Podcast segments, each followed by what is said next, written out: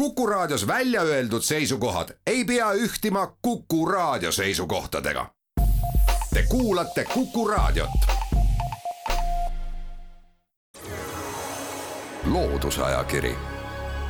vaata ka looduseajakiri.ee tere, ilusat reede õhtut kõigile teile, Kuku raadio kuulajad, tere saatekülalisele, kelleks on ajakirja Eesti Loodus peatoimetaja Toomas Kukk. tervist!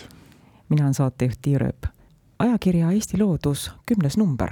oktoobrikuu number on valmis saanud, ootab lugejaid ning oktoobrikuule kohased udused hommikud ja pikenevad õhtud, need panevad inimest sissepoole vaatama.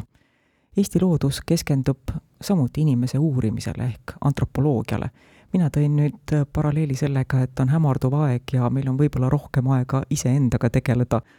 Mis oli see tegelik põhjus, mis ajendas kuu teemaks antropoloogiat valima? tegelik põhjus on ikkagi see, et äh, viisteist oktoober saja kahekümne viie aasta eest sündis äh, Juhan Paul, kes on Eesti antropoloogiateaduse suurkuju, võib ka öelda, et ta on selle antropoloogia rajaja Eestis et kõik hilisemad antropoloogid on ühel või teisel moel Pauli õpilased. Ja see saja kahekümne viies sünniaastapäev on, on kahtlemata piisavalt tähtis, et äh, tema tegevust meenutada ja vaadata, kuidas äh, tema tööd äh, tänapäevases teaduses on leidnud edasiarendamist ja noh, ühtlasi ka vaadata, kuidas meie see, tähendab, antropoloogia teadus üldse tänapäeval ennast tunneb ja, ja kuhu ta on jõudnud. enne kui hakkame tutvustama ajakirja Eesti Loodus oktoobrinumbri põhiartikleid, tahaks ma peatuda Eesti Looduse kahekümne kolmanda fotovõistluse juures. me oleme hiljuti sellest korra rääkinud, rääkisime siis, kui hakati ootama fotosid sellele võistlusele aga kui ma õigesti mäletan, siis kolmekümne esimene oktoober on see viimane kuupäev, millal saab veel sellele võistlusele fotosid üles laadida. Niimoodi on, kolmekümne esimese oktoobri keskööni on võimalus siis oma fotosid saata, kusjuures nagu ka varasematel konkurssidel me ei ole seda fotode piiride pulka kehtestanud, aga noh, ta võiks jääda niisuguse mõistliku mahuni, et ei ole mõtet kogu oma fotokogu saata, vaid et mingi kümmekond pilti on, on täiesti niisugune maksimaalne või noh, suurim hulk, mida võiks saata, no viisteist. Ja veel siis äh, juhin tähelepanu, et selleks on meil siis äh, Eesti Looduse veebis täiesti omaette äh, lehekülg fotovõistluse kohta, kust saab neid pilte laadida et ei ole mõtet neid toimetusele saata eraldi kirjadega, et ikka mm, püüame selle veebi kaudu hakkama saada. Sügisene aeg on see, kui räägitakse ikka sellest, et tuleb metsa minna loodusande korjama. Eesti Maaülikooli ergonoomika professor Eda Merisalu kirjeldab ühte aspekti, mis on loodusandide korjamise juures, mis on pälvinud minu meelest üsna vähe tähelepanu ja tuleb ka välja, et seda on vähe uuritud. ta kirjutab, millist mõju avaldab üks seene või marja korjamine inimese kehale? No see on äh, tõesti selline teema, mis tundub äh, võib-olla isegi vähetähtis, kui me käime sügisel ühel päeval mõni tund metsas, võtame siit mõned seened, võib-olla korjame natukene jõhvikaid, selline paar tundi tegevust ilmselt äh, väga suurt mõju ei tohiks avaldada, aga kui me tõesti näiteks jõhvikaid korjame ikka päevade kaupa ja, ja mõte on, et neid võiks ka näiteks müüa või, või ka noh, ma ei tea, tuttavatele anda, siis need kogused, mida me niimoodi metsast või soost ära toome, on päris suured ja ja selline sunnitud äh, poos, et neid jõhvikaid sealt mättalt kätte saada, kui ka siis selle jõhvikakoti metsast välja toomine võib tervisele, seljale ja kätele ikka üksjagu mõju avaldada. tõepoolest, seda ei ole väga põhjalikult äh, teadlased äh, seni tähendab uurinud, eks ta on natuke sama tüüpi nagu ka võib-olla aedmaasika või, või muude marjade korjamine, et me võime seda näiteks maasikat äh, suurtel põldudel on hakatud korjama ka niimoodi kõhuli vasendis, aga ega sellega on samamoodi omad omad vead ja head, nii et äh, kindlasti maksab vähegi sellise tõsisema korjamistegevuse puhul äh, neid parimaid töövõtteid meenutada. Ja noh, eks me oleme tegelikult Jõhvikal ja üldse metsas käimise puhul andnud ka varem mitmesuguseid juhiseid, et kuidas riietuda näiteks, kindlasti peab olema kaasas laetud telefon, nii et, et noh, et selliseid juhiseid metsas käijatele oleme ennegi andnud, aga jah, sellise töötervishoiule ei ole siiani tähelepanu pööranud meditsiiniloolane Ken Kalling kirjutab ärkamisaegsete eestlaste antropoloogia huvi taustast ja kui seda artiklit nüüd väga lihtsustatult ühte lausesse kokku võtta, siis peame ju tunnistama seda, et mitmed üheksateistkümnenda sajandi teaduse suurkujud eesotsas Pääriga suhtusid eestlasse kui nõrka rahvakildu. Tõesti, ja, ja sellised põhjused, miks seda nüüd siin mitmesugused õpetlased alates von Bärist äh, väljendasid, et äh, kas neile sattusid ette tõesti sellised äbarikud äh, nõrga tervisega eestlased või, või seal oli mingi tahtlik eestlase kehvemana kujutamine, tagantjärgi on seda muidugi raske öelda igatahes äh, Eesti ärkamisaegne selline tähendab rahvusluse tõus on kindlasti seotud ka tähendab antropoloogia arenguga, et äh, nii baltisakslased kui ka siis ütleb esimesed Eesti antropoloogid ikkagi leidsid üsna kiiresti, et see eestlane ei ole nii kehvakene sugugi ja ja, ja tal on kõik eeldused olla teiste rahvaste seas äh, nagu, nagu iga teine rahvus. ja tõesti, see ärkamisaeg ja teab, antropoloogia on, on seetõttu omavahel päris tihedasti seotud järgmiseks leiab ajakirja Eesti Loodus oktoobri numbrist jutuajamise Markus Valgega. Markus on oma teadustöödes kasutanud professor Juhan Auli kogutud andmestikke ja on ta sealt saanud teha mitmesuguseid järeldusi, näiteks on selgunud, et sagedamini omandasid kõrghariduse suurema koljumahuga pikemad ja ka kitsama näoga inimesed. miks kitsama näoga inimesed, sellel ei ole lihtsalt häid selgitusi. jah, ega võime ju ka arvata, et see on täiesti selline kogemata kaasa, kaasas käiv seos, et see seos võib olla väga tugev, nagu me teame, tunnuste vahel võib olla väga tugev seos, aga seal ei pruugi olla mingit sellist äh, funktsionaalset põhjust, et see võib, võib põhineda hoopis, hoopis mingitel muudel asjadel, et noh, need tunnust kujundavad geenid on kuidagi omavahel seotud, et või, või tähendab noh, mida iganes. aga selle loo puhul on minu meelest tore see, et, et tähendab Juhan Aul, kes mõõtis rohkem kui viiskümmend tuhat õpilast ja ka täiskasvanuid, et see andmekogum on tänapäeval täiesti tarvitatav ka teadustööks. tarvitseb vaid püstitada mõni uus äh, hüpotees ja me saame sellest andmestikust nii tõestavaid kui, kui seda hüpoteesi kummutavaid fakte. ja eks siin on üks põhjusi, miks võib-olla seda omaaegset andmestikku ei ole põhjalikult läbi töötatud, on ka see, et et see on ikkagi arvutieelne periood, kui see andmetöötlus oli väga vaevaline, suuresti käsitsi ja ja, ja niimoodi ei ole võimalik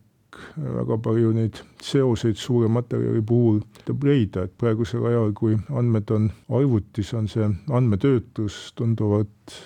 lihtsam, et kui meil tekib mingi mõte, et kas, kas siit võiks saada vastuse, siis me saame seda ka kohe praktikas katsetada.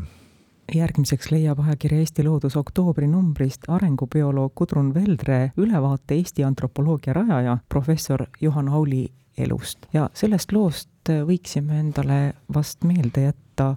professor Auli ühe mõtte. eestlasi ei uuri somatoloogiliselt maailmas keegi peale eestlaste endi jaa, see kehtib äh, nii antropoloogias, et ega meid ei tule keegi teine siia tundma õppima, et äh, me ei ole niisugune metsik hõim kuskil äh, Java saarel, et et seda peaksid nüüd teised maad uurima, et et ilmselt ka teistes maades eeldatakse, et ikkagi eestlased tegelevad enda, enda antropoloogiaga. Pole vaja kuskilt näiteks USA-st tulla siia mõõtma, et milline see eestlane siis ikka täpselt on, aga sellise rahva eneseteadvusele ja teab olukorra selgitamisel on sellel kindlasti väga suur tähtsus, nii et Juhan Aul tegutses peamiselt kolmekümnendatest kuni kuuekümnendate aastateni, kui ta peamiselt oma ta mõõtmisi tegi. Ja siis peeti seda vajalikuks, noh praegusel ajal sellist äh, füüsilist antropoloogiat, et äh, mõõtmist tehakse tunduvalt vähem, aga kindlasti on selle järgi ka vajadus, sest et äh, need muutused on suhteliselt kiired, tähendab, inimesed venivad pikemaks, kehamass võib-olla suureneb, samuti on kaunis palju segunemist, mida varasemal ajal nii hästi ei, ei, ei teatud, noh, teab Juhan Auli töödest tuleb ja ka teab Leiu Heaoposti töödest, kellega meil siin numbris on intervjuu, tuleb ka välja, et eks ole, piirkondlikud erinevused Eestis on päris suured, et me ei saa ainult piirduda, et me mõõdame või teame seda eestlast Tallinnas või mõnes suuremas muus keskuses, vaid et äh, ka Eesti piirkondlikud äh, erinevused on kuni tänapäevani küllaltki suured.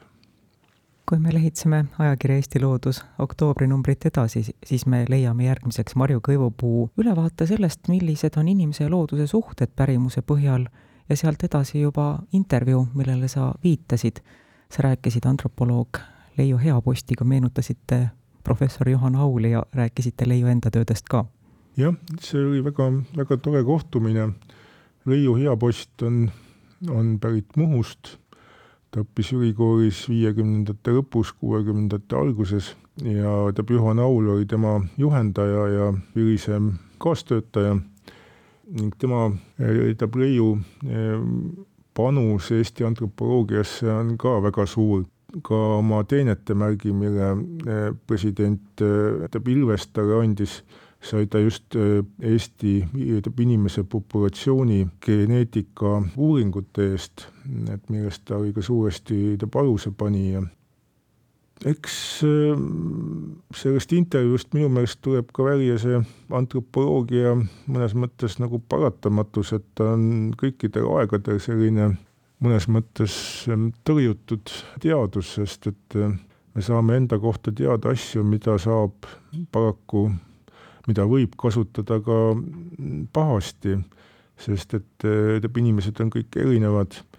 ja, ja siis me saame teada, et ühed on nii-öelda paremad kui teised ja see kahtlemata võib tekitada mõtteid, kuidas seda teab ära kasutada aga jah, ma veel kord rõhutaks just seda, et ega tähendab, eestlased peavad ikka eest-, tähendab, eestlasi ise uurima, keegi seda tegema ei tule ja noh, sama on ka tegelikult Eesti looduse kohta, et ega Eesti taimestikku, tähendab, loomastikku ja kõike muud peaksime ikka meie tundma õppima eeskätt,